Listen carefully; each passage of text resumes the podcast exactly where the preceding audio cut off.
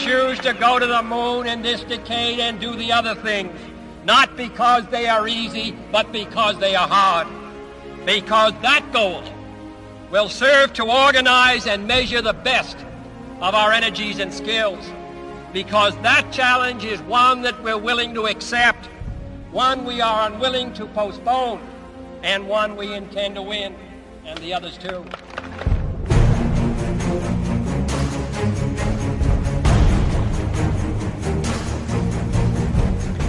John F Kennedy, president van Amerika, is op 22 November 1963 op 'n besoek aan Dallas, Texas. Dis 'n dag wat histories sou word vir al die verkeerde redes. Die oggend van die 22ste het daar 'n sagte reën oor Dallas neergesak en die aanvanklike plan was dat die presidensiële limousine sy harde dak sou op hê as gevolg daarvan, maar die reën het gewyk en is met 'n pragtige sonskyn dag vervang en Kennedy self het daarop aangedring dat die motor se dak afgelos sou word vir beter kontak met die skare langs die pad. Die roete het hulle na Elmstraat geneem waar die tragedie sou plaasvind en Amerika tot stilstand geruk sou word. The president's car is now turning onto Elm Street and it will be only a matter of minutes before he arrives at the trademark. I was on Simmons Freeway earlier and even the freeway was jam-packed with spectators waiting their chance to see the president as he made his way toward the trademark. It, it it appears as though something has happened in the motorcade route. Something, I repeat, has happened in the motorcade route.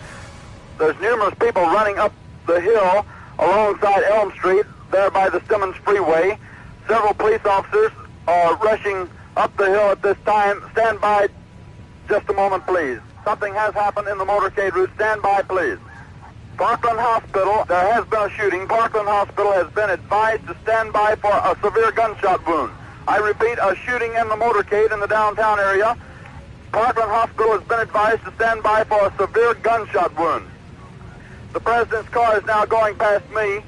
The limousine is now traveling at a very high rate of speed. Secret Service men standing up in the limousine. They are armed with submachine guns.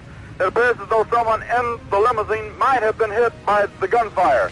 Selfs die joernalis wat die tragedie beskryf het aan die res van Amerika was ook nie seker of hy regstreeks op lug was nie en moes sy regisseur vra of hy regstreeks op lug was. Put me on, Phil. Put me on. Phil, am I on? We're here at the Trade Mart. The motorcade is coming by here. I can see many, many motorcycles coming by now. Police motorcycles. Just heard a call on the radio for all units along industrial to pick up the motorcade. Something has happened here. We understand there has been a shooting. The presidential car coming up now. We know it's the presidential car. You can see Mrs. Kennedy's pink suit. There's a Secret Service man, spread eagle, over the top of the car. We understand Governor and Mrs. Connolly are in the car with President and Mrs. Kennedy.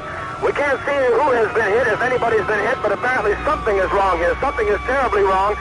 I'm in behind the motorcade, trying to follow them. It looks as though they're going to Parkland Hospital. At this point, it looks as though it could have been one or two or even all of the people within the car may have been the victims, may have been struck by shots. We don't know. Die regstreekse radioverslag wat gelewer is ten tye van die insident. Walter Cronkite het 'n uur later die nuus aan Amerika gebring dat John F Kennedy doodgeskiet is in Dallas, Texas. From Dallas, Texas, the flash apparently official President Kennedy died at 1 p.m. Central Standard Time, 2 o'clock Eastern Standard Time, some 38 minutes ago. Die baie bekende woorde van Walter Cronkite. John Fitzgerald Kennedy, wat gebore is op 29 Mei 1917, is doodgeskiet op 22 November 1963 in Dallas, Texas, op die ouderdom van 46 terwyl hy staatspresident van die Verenigde State van Amerika was.